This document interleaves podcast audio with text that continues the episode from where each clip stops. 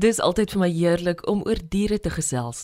Nie net op RSG landbou nie, maar ook om te deel in gesprekke met die wat met toewyding lewensvorme op aarde, in die lug en onder water beskerm. Diskoerse en boeke oor Sint Franciscus van Assisi, die beskermheilige van diere, fascineer my veral ook. Vanoggend is dit juis die liefde vir diere wat sentraal staan tot die program. Die heel eerste biosekuriteit en veeartseny week word vanaf 25 tot 29 September vanjaar aangebied. Dr Annelie Kloete is staatsveearts verbonde aan die Departement Landbou Wes-Kaap. Dr Ivan Meyer is minister van landbou in die provinsie. Wel ek het vanjaar op 28 Maart in die Wes-Kaapse Parlement tydens my begrotingsrede vir landbou die aankondiging gemaak dat ons nou die eerste provinsiale veterinêre week gaan afkondig en hierdie jaar is ek baie opgewonde dat dit gaan plaasvind in hierdie maand van September en daar is breedweg 3 redes. Eerstens, ons glo in veilige voedsel vir ons verbruikers. Ons glo ook in dieregesondheid vir ons baie belangrik, maar aan die einde van die dag is dit mense. Die mense wat nou na hierdie program luister, wil weet Wat beteken dit vir hulle?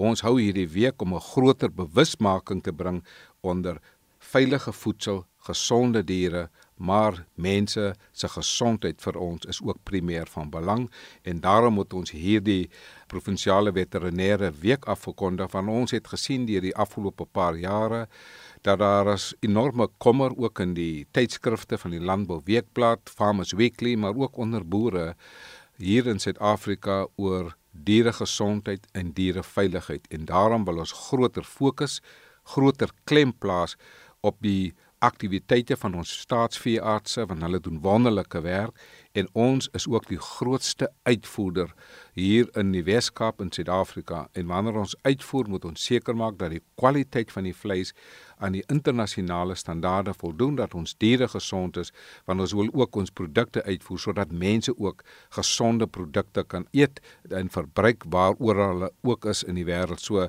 hierdie is vir ons 'n eerste baie belangrik ons wil die merk maak dat ons groter fokus wil plaas op dieregesondheid, gesondheid van mense en ook die voedselprodukte wat hulle gebruik.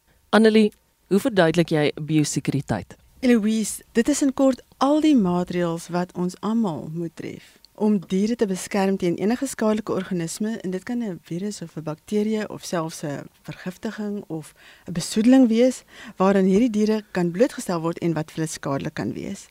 Hier by Veeartsenydiens is ons meestal betrokke met siektes en die voorkoming en beheer van diere siektes wat 'n groot ekonomiese impak kan hê op die mense of die mense selfs kan siek maak. Ons noem dit zoonotiese siektes of zoonoses in kort. Siektes soos voëlgriep, beestuberkulose, bruselose en ook hondstolheid val in hierdie kategorieë.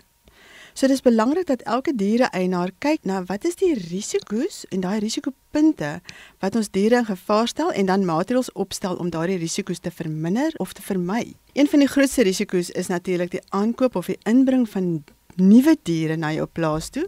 En daarom is dit baie belangrik dat jy moet seker maak dat die oorsprongkuddes vry is van siektes of parasiete wat jou kudde in gevaar kan stel. So dis altyd beter om aankope te doen van iemand vir wie jy kan vra en 'n geskiedenis kan kry eerder as byvoorbeeld van 'n veiling en dit is die mees algemene manier hoe boere hulle hulle diere in die hande kry.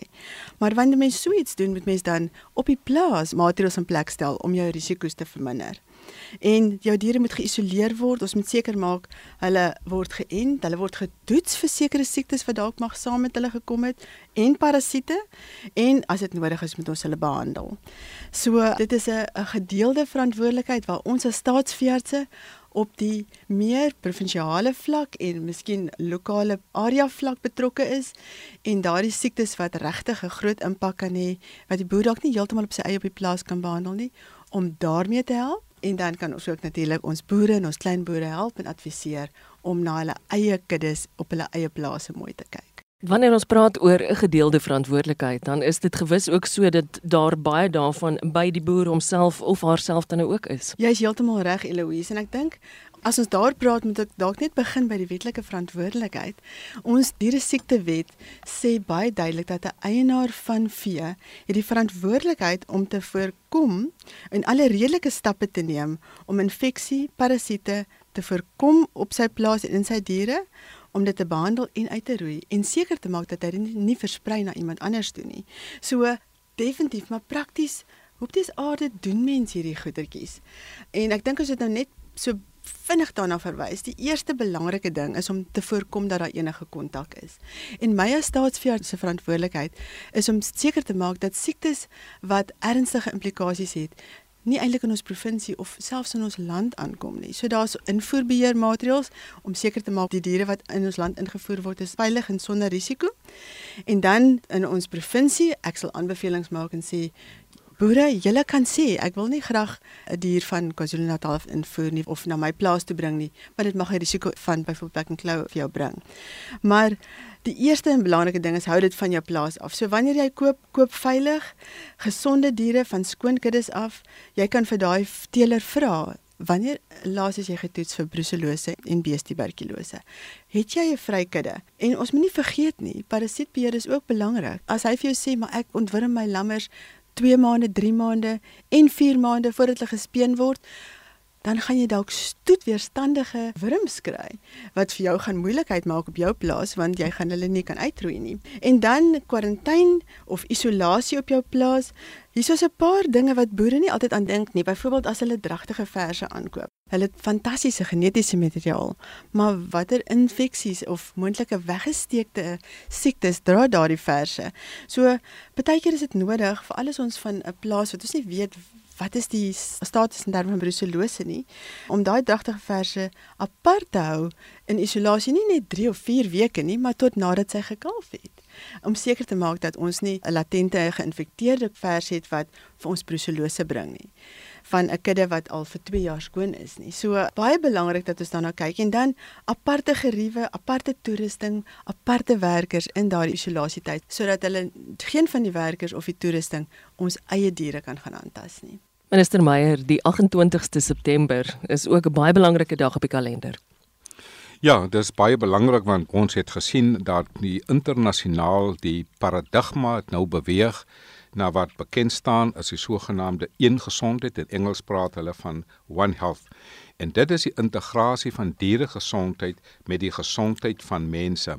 Maar ek het ook gekyk na die grondwet van die Republiek van Suid-Afrika En daar is 'n skedule 5 wat verwys na die provinsiale eksklusiewe wetgewende magte en so dit is magte wat eksklusief aan 'n provinsie toegeken word en daarom fokus ons in hierdie week spesifiek op die hele idee van veterinêre dienste maar ook op daardie dag is dit ook vir my belangrik is die fokus ook op die hondstolheid daardie is 'n baie belangrike faset van die veeartse se werksprogramme maar ook hier in die Wes-Kaap een van my strategiese prioriteite is marktoegang en die uitvoer van ons produkte.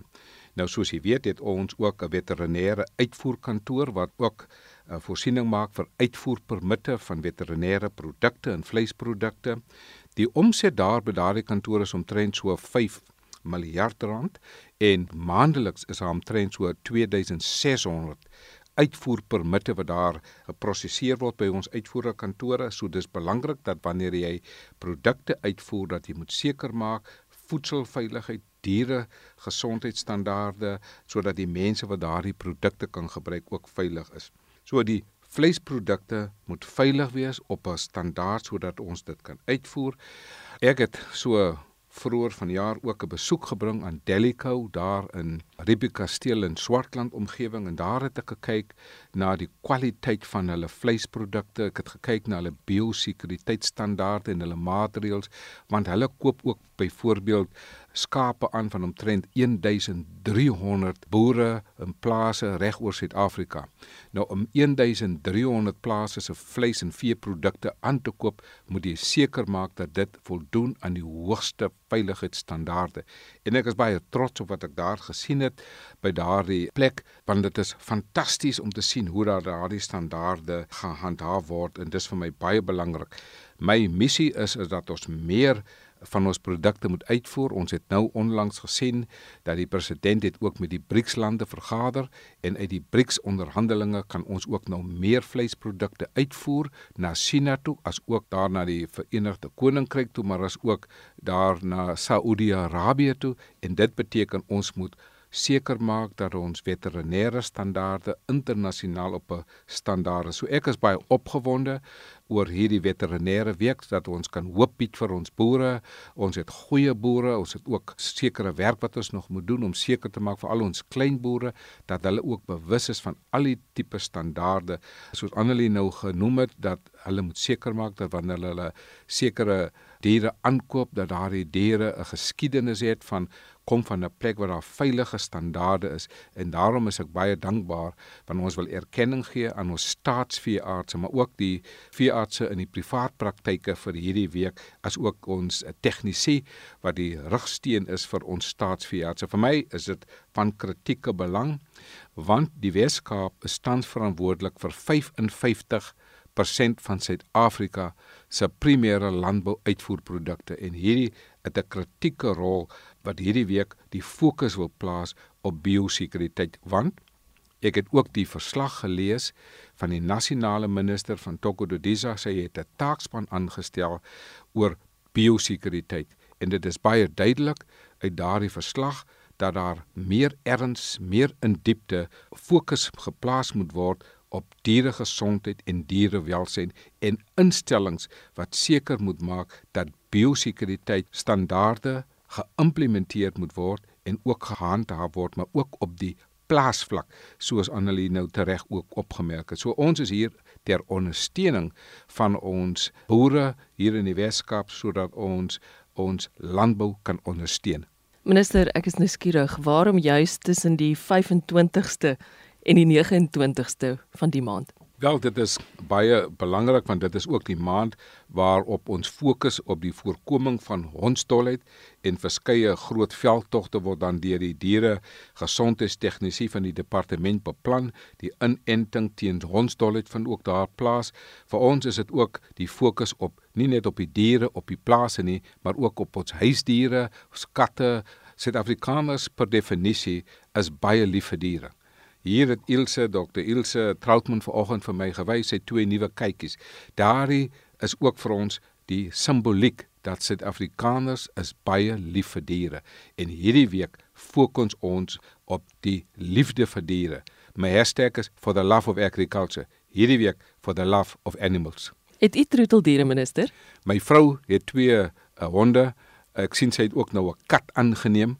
Dis 'n kat wat daar rondgeloop het. Elke oggend sien ek my vrou voer nou die kat. So daar is nou 3 diere by my huis. Ek is baie bly om dit te hoor. Annelie, ons het gesels oor die belangrikheid van die dieregesondheidstegnisie. Dis nou maar baie insiggewend om 'n staatsveearts soos jy uit te vra oor die belangrikheid van hulle teenwoordigheid, hulle take. Ja, Eloise, as 'n staatsveearts is my hande afgekap as ons nie dieregesondheidstegniese het wat op plaasvlak uitkom en regtig ons hande en voete is wat by die diere uitkom wat kan kyk hoeveel daar is van watter spesies. Hoe gaan dit met daardie diere in daardie plaas? En hulle is opgelei om te sien as daar dalk 'n fout gebeur, as daar ietsie ietsie is wat nie reg is nie. En so kan hulle ons help ons bewus maak van probleme. Hulle is ook opgelei om sekere toetse te kan doen en wat ons dan kan interpreteer as staatsveeartse en on, dit help ons om die gesondheid van ons provinsiale en ook ons nasionale kudde bron te kan beskerm en seker te maak dit is veilig en gesond. Volgende Saterdag bekyk ons van die aktiwiteite en voorligtinggeleenthede wat tydens vanjaar se veeartseny week aangebied gaan word. 'n Voorreg om vanoggend met minister van Landbou in die Wes-Kaap, Dr. Ivan Meyer en staatsveearts Dr. Annelie Kloete te gesels. Hou gerus die program as digitale aandenking na 'n besoek aan die webtuiste van RSG. Baie dankie dat jy vanoggend saamgekuier het. Ek is Eloise Pretorius. Totsiens.